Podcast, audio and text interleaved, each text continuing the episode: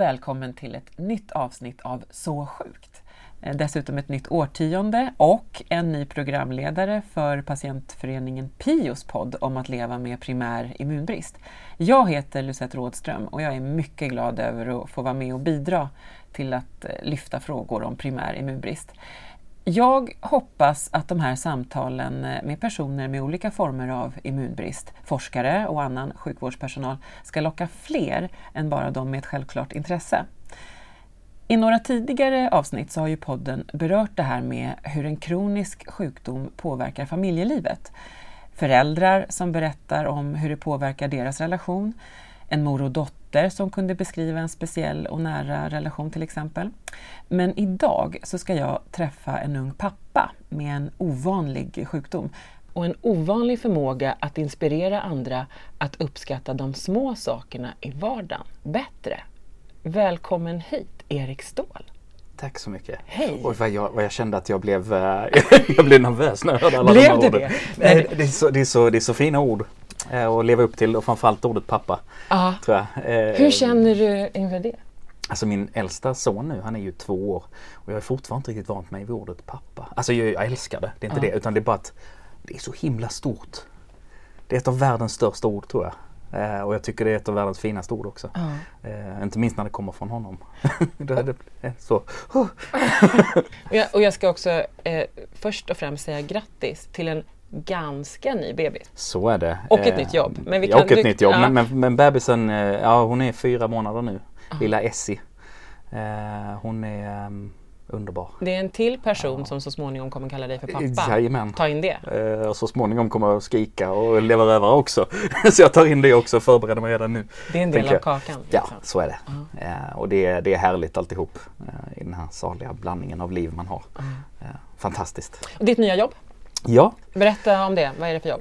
Det är tillsammans med äventyraren Aron Andersson eh, som bestiger berg i rullstol och gör en massa äventyr. Han skidat över Sydpolen och simmat över Ålands hav och en massa annat stök och eh, föreläser. Det är så vi har lärt känna varandra lite grann genom föreläsarbranschen. Och, eh, vad, man har, vad man inser som föreläsare när man har jobbat med det med heltid i 5-6 år det är att när man kommer till en viss punkt då, då är det svårt att, och hitta rätt sätt att göra det på och orka liksom härda ut och prata om sig själv ännu mer och sådär. Man behöver någon som tittar in i ens verksamhet och säger hej, det här ska vi fokusera på, det här ska vi göra. Så jag går väl in och, och tar över lite operativt ansvar i hans eh, företag. Ska du följa med upp på bergen och sånt? Det kommer jag inte göra. Jag stannar på markplan har jag sagt. Det, det, där står en klausul där i avtalet. Markplan. är Ingen bergsbeskrivning, okej. Nej, eh, alltså hur mycket jag än skulle vilja så, så just berg är väl inte det bästa när man är som jag. Mm. Eh, Jag hade, Kebnekaise är väl lite grann ett, det, det kan jag tänka mig. För det, jag tänker det som en lång promenad fast tuff. Men däremot som han ska upp till Mount Everest nu i rullstol. Jag stannar hemma på den. eh, Hör dig, Eh, hör dig. Men då kommer vi in på det här. Jag har lärt mig att din sjukdom heter Wiskott-Aldrich syndrom. Mm. Ja. Bra. Men eh, du får berätta, alltså, vad är det för sjukdom och hur påverkar den dig?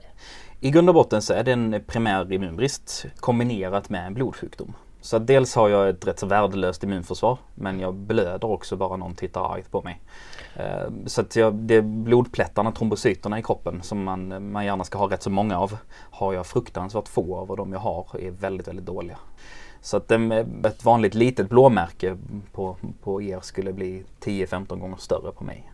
Och jag blöder ofta i näsan och blöder i lungorna när jag hostar och lite sådär. Så att eh, just blödningsbenägenheten är, är väl den delen som gör det lite klurigt i hur man ska liksom förhålla sig till vardagen. Um, immunbristen, eh, den, är ju enk- eller den är ju svår på det sättet att eh, liksom enkla infektioner som en förkylning kan vara väldigt många veckor. Och då slutar det oftast i att man, det sätter sig på luftrören och när det sätter sig på luftrören så börjar jag hosta. Och när jag börjar hosta så börjar jag blöda. Och så blir det en liten snöbollseffekt. Det är som en, okej, det är som en, blir som en ond spiral. Jag blev så intresserad över, för jag såg faktiskt en intervju av dig där du i, i, liksom i en förbifart sa att ja, men jag vaknar upp på morgonen och så känner jag om det är en blödning Mm. någonstans. Hur, hur, eh, berätta, hur det, hur, berätta hur det känns. Ja, men vi kan ta som exempel i, idag där jag gick upp kvart över fyra på morgonen och allting var förberett och sådär. För att på morgonen är, är verkligen en, en produkt av gårdagen. Har jag gått mycket, har jag rest mycket, har jag burit mycket. Då, är det, då blir det småblödningar under hela dagen. Så ligger de till sig på natten, suger åt sig vätska, sväller. Och när jag vaknar upp på morgonen så gör de ont. Så då får du ett facit på vad du har gjort Ja. dagen innan.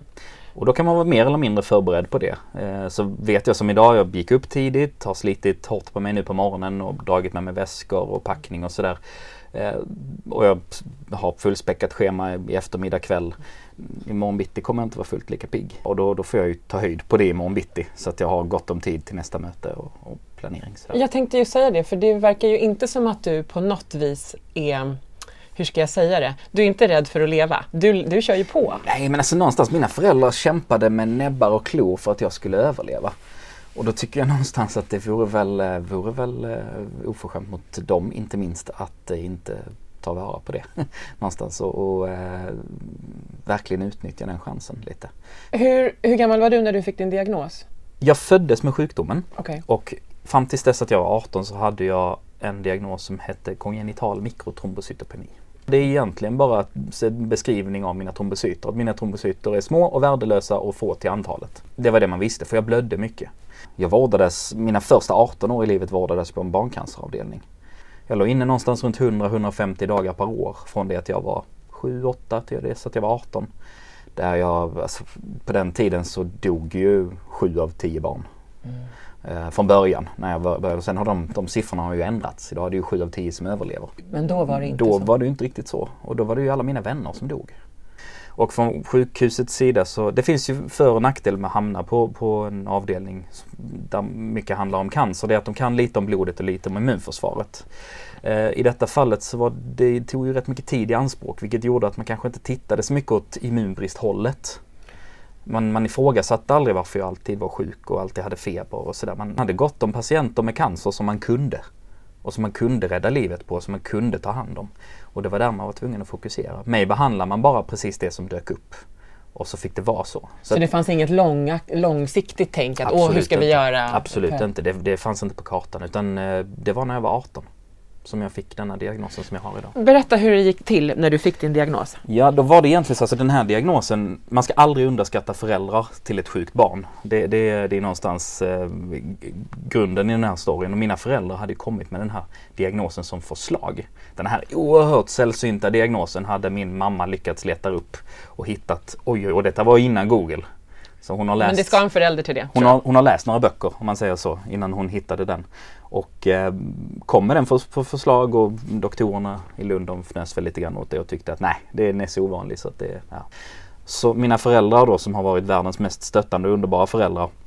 De ville ändå att vi skulle ha en second opinion från en läkare i Göteborg som mamma hade hört talas om. En eh, specialist på just immunbristsjukdomar, doktor Anders fast.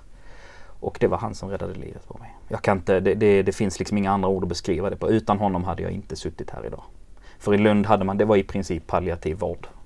Man bara väntade på att jag skulle få någon, någon infektion som man inte kunde hantera med, med antibiotika. Eh, Och då ska det tilläggas att jag har ju haft ett antal blodförgiftningar, ett antal skelettinfektioner och så vidare. och så vidare. Eh, Man har inte ens tittat åt immunbristhållet från den sidan. De har bara försökt, bo- de Ja. försökte bara bolstra och se till så att du höll Ja. det uppe vid ytan. Liksom. Eh, Och sen till sist så kom det till en punkt och Anders beskrev det så bra för mig när jag kom in och han började förklara vad Whiskot Aldrich är. Så, så han, det är som att du samlar på infektioner. Din kropp kan inte göra sig av med slaggprodukterna. Och då består din kropp till sist bara av slaggprodukter och det överlever inte en kropp på. Och jag tyckte det var så himla var så liksom bildligt för mig att jaha, ja då är det ju, jag är fylld av slaggprodukter. Kanon. Det och Hur tar vi kebab. bort dem? Det är okej. Eh, och då, då sa han du ska ha den här behandlingen. Och det är också en sak, den behandlingen hade mina föräldrar föreslagit i Lund också. Eh, men man avfärdade den med att den är alldeles för dyr, det är ingenting vi leker med, det finns ingen anledning att testa det. För jag hade ju ingen immunbrist. För det hade värld. ingen? Nej. Eh, så att, eh, ja efter fem, sex behandlingar så förändrades mitt liv fullständigt. Helt, det, det, är, som en, det är som natt och dag. Wow! Och det, det, ja, tack Anders, det är bara där. Du, vi har berört döden lite grann Mm. ehm, och du, slår, du förefaller mig inte vara en person som har särskilt svårt att prata om döden. Nej, jag tycker det är kul att prata om det. Eller alltså, Ah, nej, men ja. Nej men jo men det tycker jag på något sätt. Jag tycker det är viktigt. Demontera den och plocka sönder den och titta på den från alla möjliga olika vinklar och se om det är något kul att hämta ur något. Har du kommit fram till något kring döden? Alltså jag, jag har väl någonstans insett att jag inte är så rädd för den. Eh, och det är nog mycket på grund av att jag dels eh, känner att jag lever. alltså jag, jag känner på riktigt att jag har ett liv och att jag lever. Eh, och då, då, då är man rätt så, ja, jag har tagit vara på tiden och då är man rätt nöjd med det. Även om det skulle, skulle vara så att jag dör. Men sen får man ju komma ihåg att jag har ju i 18 års tid, inte kanske riktigt men i alla fall i 10, ja, 10-12 års tid av mitt liv bara planerat min egen begravning. Alltså när jag var 13 visste jag vad jag skulle ha för musik på min begravning. Så för mig har det, det har alltid bara funnits där som en, en, en grej, det sker. Eh, vi kan inte göra så mycket åt det och då är det väl lättare att, lägga fokus och energi på det vi kan göra någonting åt, det vill säga det livet vi har. Det, det är där det landar. Jag skulle kunna spendera massor av mitt liv och, och tänka kring döden, men varför? Eh, det hjälper inte mig att ta vara på stunden med mina barn här och nu. Utan då får vi väl bygga ett legoslott istället. Det är bra mycket roligare. Man sen kan trampa på kvart över fyra på morgonen. Svära lite. Skönt ju. Det är skönt. Får man blödningar under fötterna. Ja. Jag vet det. Får du blåmärken under foten då? Eller hur Ja, funkar oja, det? oja. Legobitar är fruktansvärda. De- Det är, det är blödningar i flera dagar efter en legobit. Det har jag ju fått inse nu. Det är sådana såna saker som kommer när man blir pappa med en sån här sjukdom. Ehm, jag, du har redan berört det lite men jag tänker i och med barnens ankomst, har du, hur, har du, hur tänker du kring döden? Mm. Det, de har ju tagit mig lite off guard. Eh, så är det ju. Men eh, någonstans så tycker jag för, om, man, om man tar, tar tillbaka det lite grann. Jag och min, min fru vi, vi försökte skaffa barn i en himla massa år. Det var inte så enkelt som de sa i skolan att man bara låg till det och sen så blev det ett barn. Liksom. Vi försökte i fem år så jag är duktigt trött på att ligga, det kan jag ju säga. Eh, och sen kom vi in i hela den här IVF-snurran. Och till sist då kom, kom lille Walter ur det. Men eh, det var inte helt enkelt. Det var en massa missfall och det var misslyckade IVF-försök och det var och, och, och det kaoset. Och då, vi skrev om det på internet och var rätt så, så berättade om, om vår situation för vi tycker att det är viktigt att man pratar om svåra saker. Och då visade det sig att det var rätt många som hade problem med att skaffa barn. Det var ju rätt många fler än vad man kunde någonsin ha anat. Och i och med att vi började, vi tog upp debatten och började berätta om det så alltså vi överöstes ju av historier om folk som hade försökt och man fick tips och idéer. Både visuella tips eh, som textbaserade sådana. Eh, hur man skulle göra som för att få absolut bäst chans och så vidare. Eh, men sen framförallt så var det också folk som tyckte att jag var olämplig som förälder. Eh, som, som både mordhotade oss och som, som eh, minsann skulle skicka socialen på oss om vi skaffade barn. Och, och, eh, det var, rätt det var en, en lite mörk tid där man, när man ena stunden fightades med att ja, nu har vi fått ytterligare ett missfall. Eh, och så gick man in och läste mailboxen och så var det en till som hotade mig för att jag minsann och då är sjuk och vill bli pappa. Eh, där finns ju den typen, om ni ursäktar, av rövhattar i den här världen. som, som tycker saker på internet. Lite för ofta och lite för mycket. Och de, de hördes rätt mycket under den perioden. Och för att återkoppla då till just idag, hur mina barn, hur, hur relationen där och döden och det är klart att jag, for, jag hör fortfarande deras röster ibland, de här elaka fruktansvärda människorna när jag känner att jag har inte riktigt en dag orkar leka lika mycket med min son som jag kanske borde. Uh, så att det, det har nog varit den största, jag gillar inte ordet kamp, men, men utmaningen för mig i just den situationen med sjukdom. Att, att orka, vad förväntas av mig? Vad förväntar jag av mig själv? Uh, och vad förväntar min son av mig? Men då går vi tillbaka till det här just att med tanke på vad sjukdomen har för att den är kronisk och vad den har eh, för prognos, att den är dödlig och så vidare. Vad, hur, innan ni bestämde er för att bli föräldrar, hur gick, hur, vad pratade ni om då? Hur, liksom, hur resonerade ni? Alltså jag tror, vi har inte resonerat på det, alltså kring det på det sättet. Aldrig någonsin. Eh, Min fru eh, kände till mig som lite offentlig person innan vi träffades. Och, eh, så att hon, hon var ju väl införstådd i vad hon gick in i, på mång, i mångt och mycket i alla fall. Eh, kanske inte vardagsbasis men, men de stora frågorna. Och vi, så vi har aldrig, det har alltid varit en självklarhet för oss. Det har alltid varit en, en, en dröm för mig att bli pappa någonstans.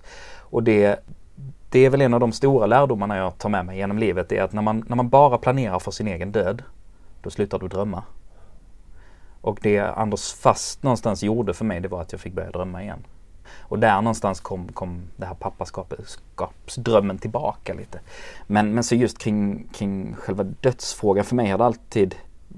Alltså jag har vänner som vars föräldrar har varit väldigt, väldigt mycket mindre föräldrar eh, än vad jag har varit till mina barn så här långt. Eh, jag tycker föräldraskapet handlar kanske inte riktigt om hur länge du får lov att vara förälder till ditt barn utan hur du är det när du väl är det. Sen är det klart att det är ju fördelaktigt om det får vara jättelång tid.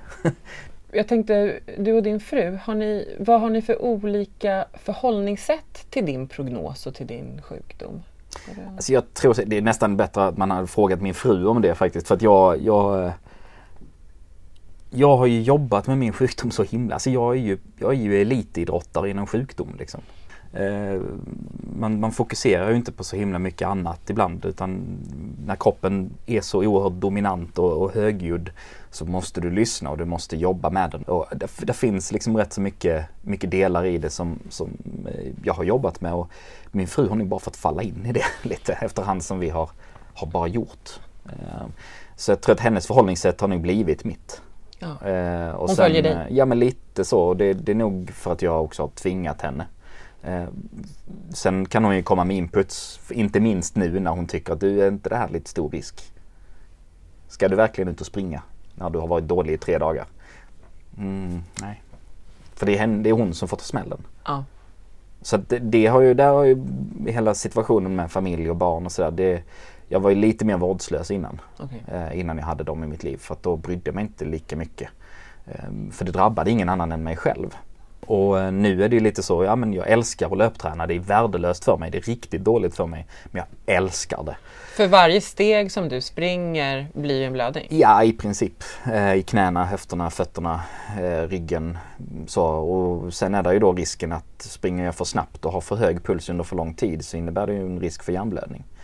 Och samtidigt så mår din kropp också lite, alltså jag menar, du, det blir en jättekonstig situation. Ja, det blir en väldigt märklig situation och, och, det blir också en grej att man tävlar med sig själv och sin sjukdom, att den ska inte få bestämma. Den ska inte få deklarera villkoren. Så när jag är där ute och jag känner att den börjar göra sig hörd, då pressar jag mig ännu hårdare. Vilket är jättekorkat. Jag, jag säger inte att det här är ett bra sätt att leva på. Verkligen inte. Men jag, jag säger att det är ett oerhört komplext liv att sätta sig in i och förstå. Eh, för man måste hela tiden försöka utvecklas i sin sjukdom och försöka nå ett par steg till. Eh, för annars sätter den upp en. Men då när jag är där ute i löparspåret så är det svårt att hålla tillbaka och då kommer jag hem sen och så får min fru ligga vak hela natten för att jag har tagit ut mig för mycket och börjat blöda i näsan av att jag varit ute och sprungit. Mm, det är inte jättebra. Nej. Utan då, får, då, då säger hon ifrån. så här, det här går inte. Ja, så får jag lyssna på det och så får jag bara sluta vara dum i huvudet ibland. Samtidigt, det som är så komplext och så intressant tycker jag, det är ju att det du beskriver nu är ju liksom livsviljan på något vis. Visst är det så och det, det är, en, det är en stor del av det som gör att jag, jag driver mig själv, att jag orkar, att jag, att jag orkar vakna upp och ha ont i hela kroppen varje morgon. Och orkar motivera mig till att, att ta mig upp ur sängen. Nu så har man ju två stycken, alltså det, det kan jag tycka är lite intressant när folk sa till oss att är du verkligen lämp lämplig att skaffa barn? Just, just det där med att vilken roll man har och, och eh, det blir ju, jag vill ju kunna finnas där för mina barn och då, då måste jag också se till numera att skärpa mig. Mm. Att hålla mig i schack men fortfarande ligga i framkant i sjukdomen för för att utvecklas och hålla den i schack så den inte börjar äta på mig. Det är en balansgång helt Det är en jättestor balansgång och den är supersvår att avgöra för det är verkligen i dagsform. Supermycket dagsform. Eh, jag eh, läste ett eh, Facebook-inlägg från dig mm. som, om, som handlade om när du var ung och tänkte på, på kärlek och relationer och hur en kontaktannons skulle kunna se ut, eller kanske Tinder-profil skulle man säga nu. Ja, det får det nog vara idag. Ja, eh, och det stod någonting i stil med 20-årig kille som gillar promenader med droppställningen, pimpa dosetten och hänga mycket på sjukhus. Mm. Vilket skvallrar ju en del om din situation då. Men berätta, vem var du då som 20-åring? Jag var ju den killen. Eh, kanske inte just 20 år. Om man gått tillbaka några år där så har du den killen. Och 150 sjukhusdagar? Ja, 100-150 där varje år. Eh, och, eh, så det var inte så enkelt att hänga med i skola och hänga med. För menar, man är ju tonåring också. Som vilken annan tonåring som helst. Det är bara det att du har droppställning 20 av, tim- av dygnet 24 timmar också. Och du har vänner som dör hejvilt omkring dig och så vidare. Sen har du kärleksproblem i skolan också. den, man, liksom, den biten får man inte glömma och den är rätt så viktig att, komma ihåg också. Att få vara en del av den. Jag kommer ihåg så tydligt vid ett tillfälle där när jag kom tillbaka till skolan efter att ha varit på sjukhuset i tre månader och det är såklart att på tre månader på en högstadieskola händer det, Det händer mycket. Eh, och jag, jag fick inte vara en del av det för att ah, men du har haft det så tufft. Jag vill inte, det var någon, någon kompis som var ledsen och sådär för det var något breakup liksom. Men de ville inte berätta för att jag har det så tufft. De behövde, jag behövde inte veta det så jag liksom inte, fick inte ta del av den världen och det var inte av, av illvilja utan det var snarare tvärtom. Men, men att det var så viktigt att få vara vara en del av det också. Få vara som alla andra? Eh, ja, och det, det, sen när man växte upp, liksom jag blev 20, då hade jag börjat få den här behandlingen. Mm. Så då förändrades ju mitt liv rätt så drastiskt. Och jag började jobba med radio i Helsingborg, jag började vara ute och festa och leva rövare både här i Helsingborg och här i Stockholm. Och jag och min god vän Robin, vi har nog sett varenda krog på Stureplan 10-20 gånger vid det här laget tror jag. Eh, vi tog igen. Eh, det som du inte hade haft? Ja men lite, lite så är det nog. Men det har varit svår balansgång när det gäller relationer. Hur har det sett ut i relationer? Det har ju varit svårt att få folk att förstå och det är det ju alltid. Eh, än mer när, man, när någon kommer nära en. Och folk har väl mer eller mindre mognad i det tror jag. Eh, och eh, det har varit tjejer som har tagit avstånd på grund av just sjukdomen. För att man, man, man vill inte just ta risken med att få sjuka barn. Och nu får inte jag sjuka barn men barn med anlag för den här sjukdomen. Det var en som sa att jag vill ha någon med bättre genpool var hennes ord. Uh, och, jag, och, och, då någonstans kan man, man kan ju ifrågasätta det och ska, jag kan skratta åt det idag. Just där och då kanske jag inte tyckte att det var så kul men, men idag kan jag skratta åt och inse att uh, ja, men det var väl tur att hon ville det. så att du slapp henne. Men hur uh, såg du på det då? Då var jag väl, då var, det var väl någonstans första kontakten med lite friska världen så att säga, som, där jag ändå ville ta en plats. Och då kändes det ju lite exkluderande såklart. Eh, och jag hade ju aldrig tänkt på det på det sättet framförallt. För mig var det ju en helt, en helt ny infallsvinkel som jag aldrig någonsin hade ens funderat kring. Så det blir ju blir väldigt märkligt. Men jag bad, bad ju också henne fara och flyga. Mm. Jag tänkte, det är intressant det som du, för det speglar ju liksom en helt ny era i ditt liv då just nu som du börjar festa. Men jag tänkte, för du sa att du vid 13 års ålder planerade din begravning. Mm. Och sen helt plötsligt så liksom förändras livet. Men Mm. då egentligen min fråga, vad kommer du ihåg där som, som 13-åring? Vad, hur såg du på framtiden då? Jag såg ingen framtid då. Det fanns liksom inte, det var inte intressant med en framtid då. Jag ville bara att det skulle ta slut. Jag ville till mina kompisar, som var de nu än var någonstans. Alla de små kistorna jag hade klappat, jag ville komma och krama dem igen. Eh, Jag tyckte inte att det var, det var inte så intressant i mångt och mycket. Eh, och lite tidigare än 13, då var jag 12 och kände att nu får det räcka. Och en 12-åring som jag hade tillgång till extremt mycket mediciner. Starka, starka mediciner. Och jag kommer ihåg det så väl idag. Jag satt där hemma på mitt lilla rum och skrev ett, ett avskedsbrev till min familj. Jag hade tabletterna in till mig i en hög. Eh, och kände att nu, nu får det räcka liksom. Det här hit men inte längre. Och när jag skriver i den här boken, jag har fortfarande kvar boken än idag. Så skriver jag liksom mer eller mindre ett kärleksbrev till alla, mina, alla i min familj. Och det är just, just där som jag inser att det är allt det här jag lever för. Det är, det är för de här människorna jag faktiskt lever. Det är för exakt de orden jag säger, de orden jag skriver ner här nu. Det är ju exakt därför jag ska stanna kvar. Så det var en oerhört vuxen tanke för att vara en tolvåring. Eh, men å andra sidan så hade jag aldrig riktigt fått vara ett barn heller. Eh, För att det har inte funnits på kartan riktigt när man går på fem sex barnbegravningar per år. Eh, Nej, då blir man ju är kompis med liten. död. Döden blir väldigt närvarande. Ja, så är det om, om man kastas in i en värld som kanske inte är, är, är så rolig alltid. Eh, Och det, man kan då tycka att det är olämpligt. Mina föräldrar har säkerligen fått, fått den delen av kakan under årens lopp. Och jag kan inte säga annat än att de har gjort rätt. I att exponera mig för det. För att jag levde i den världen. Det hade varit jättekonstigt om jag inte hade fått ta, ta del av, av slutet i den också. Gå på mina vänners begravningar och säga farväl till dem nere i, i regnbågsrummet och, och, allt vad det nu innebar. Det har liksom, det är ju en superviktig del för mig idag. Eh, som jag inte hade velat vara utan. Men så när du sitter och skriver det där brevet, mm. det där avskedsbrevet, är det då som du liksom men då, då inser jag någonstans att oj, eh, vad jag har varit fel på det. det, det livet är skittufft och sådär men jag, har ju, jag är ju omgiven av människor som älskar mig. Och det är någonstans det det har landat i, att det är det jag behöver, det är det man behöver vara. Liksom. Hur känner du när du läser de där orden idag? Jag älskar det. För det, det är ju, jag, är ändå, jag blir stolt av den här 12-åringen som någonstans kommer till den insikten. Uh, och att vi faktiskt har härdat igenom han och jag. Och, uh, lärt oss vår version av livet lite. För det är det det är. Och hur gick du vidare sen då? Då, har du, då, då kände nej men nu kämpar jag vidare. Eller hur man nu ska, vad man nu ska kalla då det. Blev, för mig blev det lite grann att jag levde för barnen. Alltså som var på sjukhuset. Eh, det var den någonstans, det var någonting naturligt jag föll in i. Att härja runt på avdelningen och, hitta på bus med dem. Eh, det var allt från vattenkrig till hyss mot sjuksköterskorna och mot läkarna och sådär. Eh, För det var ju fortfarande ganska långt kvar tills du träffade Anders Fast tänker oh jag. Oh ja. Och det, det, var ju bara någonstans att härda ut och, och, göra det bästa av den situationen vi hade och jag har haft fantastiska föräldrar som har orkat detta. Så jag, jag det, kan inte förstå, förstå det än idag att de orkade.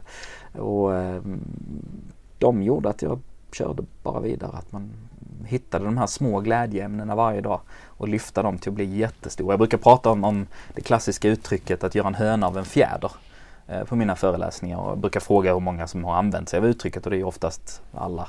Eh, men hur många som har använt det i positiva ordalag. Och det är aldrig någon. För det gör vi inte om det uttrycket. Så jag undrar också varför vi hatar hönor. Eh, de är jättefina, världens mest fredliga djur hur goda djur som helst, ändå så hatar vi hönor. Eh, men för mig var det så oerhört viktigt att göra alla små bra saker till en stor fin höna. Att ta de där små fjädrarna i vardagen och sätta ihop till en vacker höna. Liksom. Och det är det jag gör idag också, varje dag. För att orka, för, för att palla med kroppen när den gör ont och när infektionerna är där. Och så är det att hitta små, små, små, små grejer och göra dem jättestora, små vinster som peppar en hela tiden och ta en framåt. Så det började, den resan började redan då när jag var 12-13. Jag är nyfiken på precis innan du har träffat Anders Fast mm. och han har revolutionerat din vardag. Om du tänker om du tänker dig idag med två barn och mm. ett väldigt liksom, snabbt liv och det händer mycket. Mm. Vad skulle du, om du fick prata med honom, vad skulle du säga till honom? Och liksom, skulle han tro dig? Det skulle han inte. Han skulle, han skulle be mig dra åt helvete om jag ska vara helt ärlig. Så att hade jag kommit, jag menar, jag såg inspirationsföreläsare på TV och hatade dem. Alltså jag avsky, jag, vet, jag såg David Lega vid ett tillfälle. David är en fantastisk människa. Jag har träffat honom flera gånger i vuxen ålder. Eh, jag låg på sjukhuset och så såg jag honom sitta i Nyhetsmorgon och så säger han du kan bli vad du vill bara du vill tillräckligt mycket. Jag ville åka in genom TVn och ge honom en sån örfil. Där ligger jag med uppkopplad mot slangar och var förbannad på allt och trött på allt och bara så. Jag vill bara dö nu. Och hur ser du på framtiden idag? Det är ju det där med att drömma och, och tänka sig framåt. Det är ju det är fortfarande rätt så hyfsat ny företeelse för mig. Så när det gäller framtiden, jag vet inte. Jag, jag har ingen aning för jag har aldrig tänkt på det sättet. Det är liksom inte ett mindset utan jag har fått fokusera på den här dagen och kanske ett par veckor framåt. Sen är det klart att nu börjar det ändå så smyga in sig. Kanske man skulle, hade varit en dröm att bygga ett nytt hus. Uh, eller Kebnekaise. Eller, det, det börjar ändå smyga in. Jag börjar jobba med det här för jag måste aktivt jobba med, med den tanken. Det är inte någonting som bara faller sig naturligt för mig att känna Wow, det här skulle jag vilja göra. Utan då, risk, då, då gör jag riskanalys först och främst. Det blir väldigt, väldigt kliniskt på många sätt när jag ska göra någonting. Eh, och det, det, blir, inte så, det blir inte så. För du är så, så. van vid att tänka, måste, oj vänta, ja. de här grejerna måste jag kolla ja. att det är på och sen kan jag. Så sen du... kanske jag kan överväga. Ja. Men så nu, jag utmanar mig hela tiden nu att försöka drömma om någonting. Att ta bort det där äh, som du brukar göra och bara drömma fritt. Men lite så, ta bort alla om utifall att. Och så, så, bara, om du, vad som helst. Bara du aktiverar den delen av hjärnan lite grann. Och det är där jag har börjat någonstans nu, att jag låtsas, eh, bara, bara en sån sak som att alltså, aktivera den delen av hjärnan, att fantisera att det kommer en krokodil runt hörnet där borta. Eh, klättra på alla fyra och låtsas tillsammans med tvååringen att det kommer en krokodil där borta. Och i min oerhört rationella hjärna så är det ett jättesteg. Eh, och sen börja använda samma, samma arbetsprocess egentligen för att börja tänka kring andra saker. Som i det här fallet då drömmar och, och eh, någon form av eh, bucket list som ska bockas av. Liksom, saker som du har fått så. två utmärkta lärare hemma låter det som. Ja men det är helt, det är underbart. Det är ju fantastiskt. Eh, vi pratade om, du pratade om så relationer när du var runt 20 och sådär. Och just att så här, tjejer som har backat och sagt nej men liksom, inte bra genpool och det här, ja, I'm Mm. out. Eller var det bara ett svep själv? Eller vad, det nu, ja, eller vad det nu kan vara. Men jag tänker, du har redan, jag menar, du, har, du, för, du förefaller mig vara en människa som har ett gott självförtroende, vilket jag tror är en stor hjälp. Mm.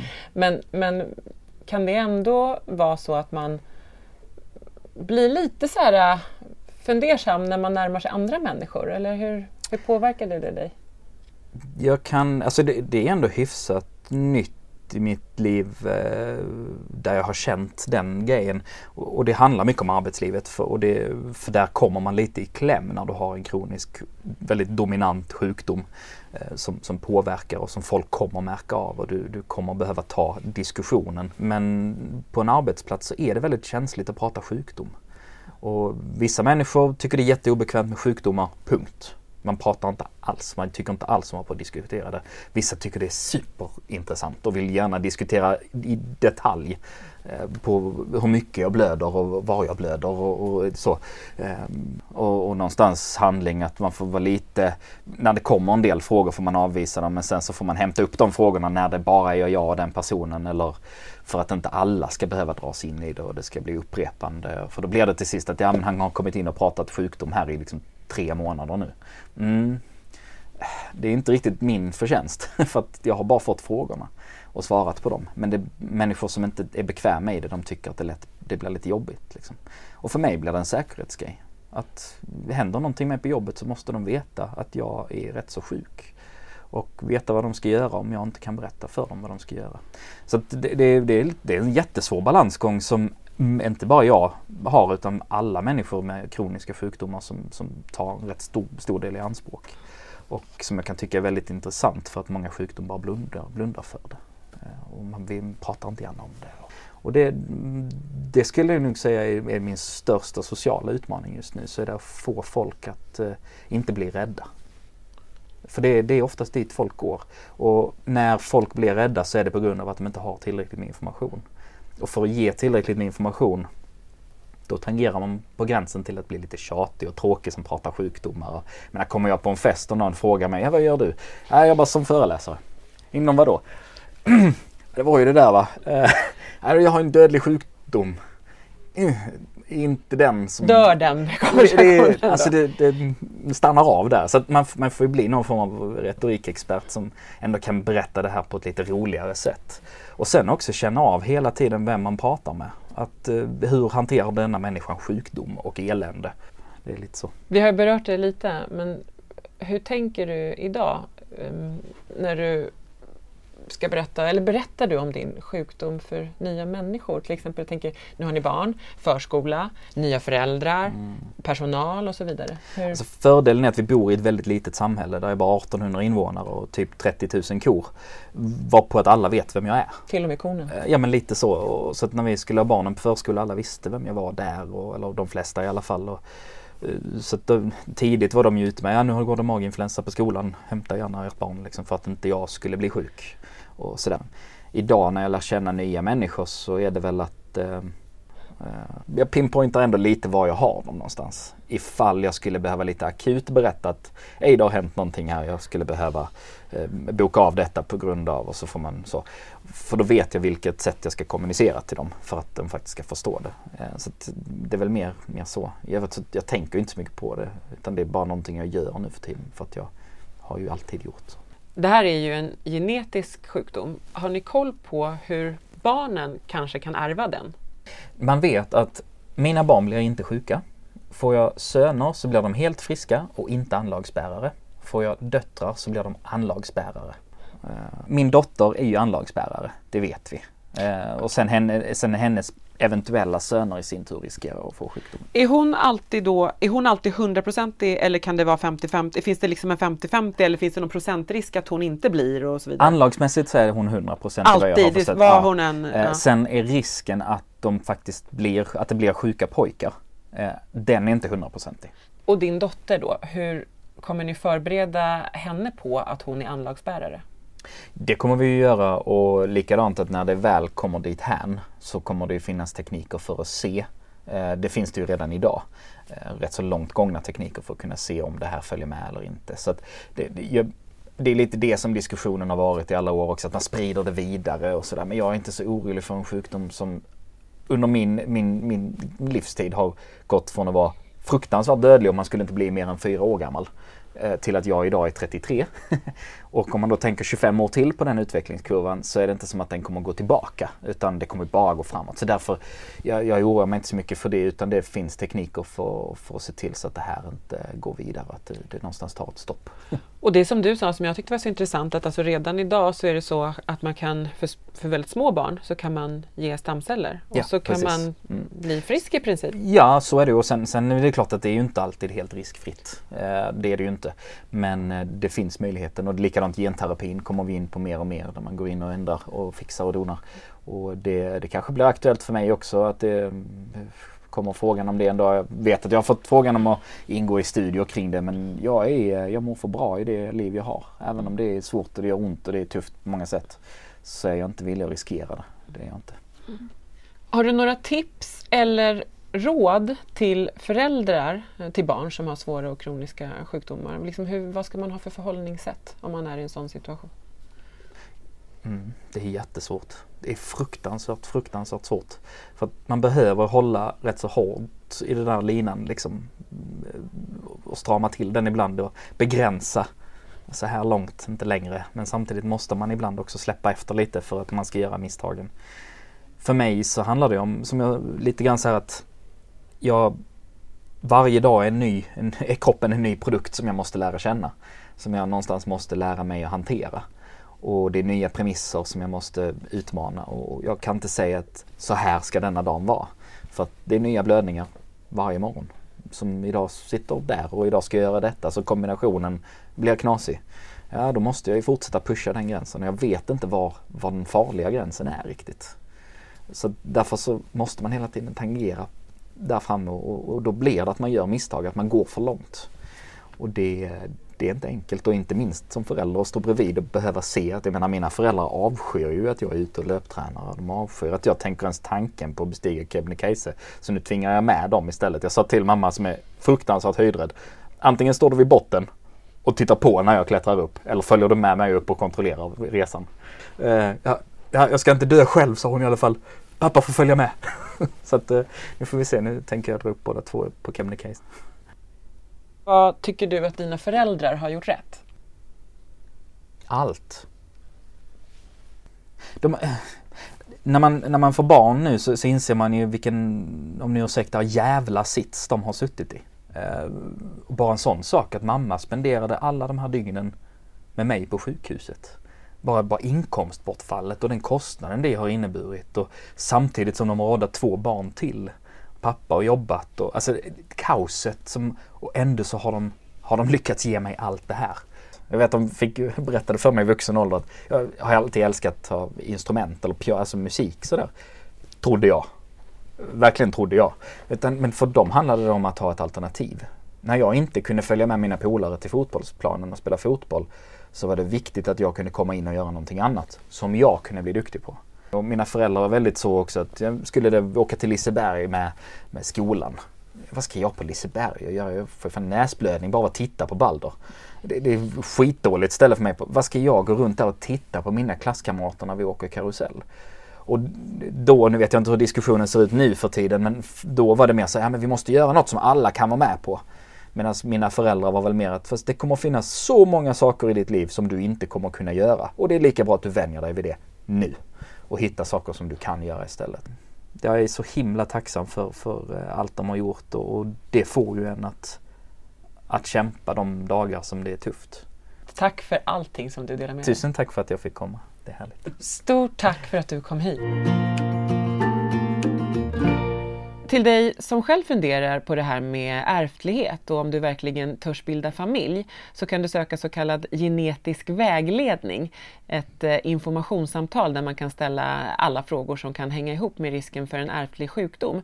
Genetiska, medicinska och psykologiska. En genetisk vägledare gör också familjeutredningar för att vid en känd sjukdom eller mutation avgöra vem eller vilka i släkten som kan vara anlagsbärare av den här sjukdomsbärande genen. Information som de sedan använder för att svara på frågan om risken för att föra sjukdomen vidare. Blivande föräldrar med en känd genetisk förändring kan genom fosterdiagnostik få reda på om fostret bär på den förändrade genen eller inte. Är den förändrade genen känd så går det också att få så kallad preimplantorisk genetisk diagnostik, PDG. Då görs en provrörsbefruktning, en IVF, där man sedan eh, analyserar embryona och väljer ut ett embryo utan den kända genetiska förändringen som sätts in i kvinnans livmoder. Genetisk vägledning erbjuds vid de stora universitetssjukhusen. Be om remiss eller ring till vägledaren och rådgör om hur du ska skriva en egen remiss. Och så har det blivit dags för Anders Fast att svara på en eh, lyssnarfråga. Och den är ju inspelad i förväg så vi kan tyvärr inte få någon reaktion från Anders på Eriks lycka. Anders svarar och förklarar. Hur kommer det sig att vissa personer inte får feber eller utslag på sänka och CRP vid infektioner? Och hur vanligt är det? Vi måste se vårt immunsystem som en stor väv där alla trådarna måste vara hela för att det ska fungera. Och eh, en viktig del av vårt immunsystem i samband med att något händer som skadar kroppen, en infektion, det är att ge en inflammation. Det är alltså inte till exempel ett smittämne som orsakar inflammationen utan det är att vi har ett normalt immunförsvar som gör att vi får febern, att ett sår kanske varar om det är bakterier i sig. Och då beror det ju på om hela väven fungerar eller inte. Och ett resultat vid de flesta immunbrister det är att inflammationsreaktionen påverkas. Den dämpas, det blir inte helt typiskt. De mest extrema exemplen kan vara till exempel barn med svår kombinerad immunbrist. De kan ha lunginflammation och gå i många veckor och hosta som om man tänker sig att det här är en vanlig virusinfektion. Och sen när det har gått kanske en månad eller mera och barnet inte blir bättre, röntgar man och så ser man till sin förskräckelse, det här är ju en jättestor lunginflammation. Inflammationsmekanismerna fungerar inte. Detta kan man se mer eller mindre eh, vid de flesta immunbristsjukdomar. Sen kan man gå specifikt in på sänkan som finns med där i det hela. Sänkan vet kanske inte de flesta vad det är. Men det handlar egentligen om att man tar blodprovet, eh, drar upp det i ett smalt rör som man ställer och så får det stå under en timme. Och så får, tittar man efter hur fort de röda blodkropparna faller under den timmen. Ju fortare de faller, ju mer inflammation man har i kroppen. Men hur fort de röda blodkropparna ska falla, det beror också då på vad finns i vätskan som omger de röda blodkropparna i det som vi kallar för plasman. Och finns det inget immunglobulin, ja då svävar de röda blodkropparna glatt omkring där också under en timme och inte faller. Vi behöver alltså ha immunglobulin. Det här gör att vanlig sänka, det är inget bra prov om man misstänker en immunglobulinbrist. Men CRP brukar svara. Och man kan också säga ofta svarar patienterna med CRP, men kanske inte lika högt. Och vill man vara mera undersökande, mera nyfiken, så finns det andra proteiner i kroppen än CRP till exempel, som reagerar när det blir en inflammation, som eventuellt kan vara känsliga. Men de använder vi inte till vardags, men i vissa fall. Den här frågeställaren menar ju att det inte märktes på CRP heller, inget utslag på det. Det är sällsynt däremot. Jag tror att det kan vara så att CRP stiger, men det stiger inte till de nivåerna som doktorn som inte är van med eh, immunbristpatienter förväntar sig. Förväntar sig att vid en lunginflammation så ska CRP kanske stiga till ja, i alla fall över 50 eller ofta är det över 100. Utan här kanske det stiger till 30 eller 25 eller någonting sånt där. Men det är en klar stegring i alla fall.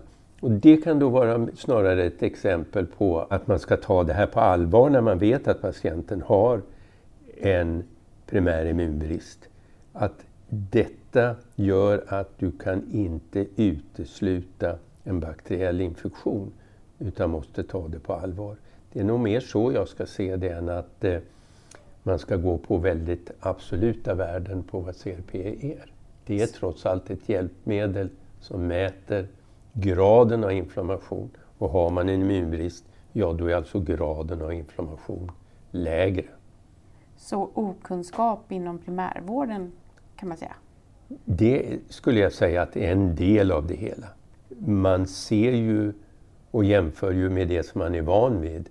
Patienter som kommer för akuta infektioner och som inte har någon immunbrist och där de här testerna är utmärkta. Är det en primär immunbrist, då får man tänka annorlunda. Hur ska man som patient enklast förklara för primärvårdsläkaren att det här är vanligt förekommande bland primärimmunbristpatienter? Det, det är en bra fråga. Det är en, det, är en, det är en fin fråga också tycker jag. Därför att som så ofta så handlar det ju om hur blir vi bemötta i vården? Lyssnar man på oss? Eller är stressen så stor så att man bara tänker på det vanliga och att ja, det här är ju bara en vanlig eh, virusinfektion, det klarar jag av på 5-10 minuter. Men att lyssna så att man hör vad det är för någonting, det där lilla extra eller det som, den extra oron som finns. Eller att i det här fallet att eh, patienten som söker för en akut infektion säger ja men jag har ju en primär immunbrist. Och att då våga säga jaha, är det någonting särskilt som jag ska tänka på då? Det vore ju väldigt fint om doktorn vågade göra det. Mm. Och ja, några gör det, men många fångas av stressen. Man kan tänka att personer med primär immunbrist som söker för infektioner kanske skulle be att få lite längre tid vid varje besök? Dels det, men dels också våga att tala om det hela. Men framförallt att doktorn då tar sig tid. Och för all del sköterskan som man möter när man kommer också lyssnar utan förutfattad mening. Tusen tack för det Anders! Det var allt för den här gången. Det tionde avsnittet av Så sjukt. Om det här är första gången som du lyssnar på patientföreningen Pios podd om att leva med primär immunbrist så betyder det alltså att det finns nio andra avsnitt att lyssna på för att lära dig mer fakta om sjukdomen eller höra människor berätta om hur de hanterar sin vardag. Har du också en berättelse om hur det är att leva med primär immunbrist eller med personer som har den här ofta helt osynliga sjukdomen som du vill dela med dig av? Hör av dig till oss på sasjukt.pio.nu. Sasjukt pio.nu. Nu tackar jag, Lucette Rådström och producent Estrid Holm för oss. Tack också till CSL Bering som gör den här podden möjlig.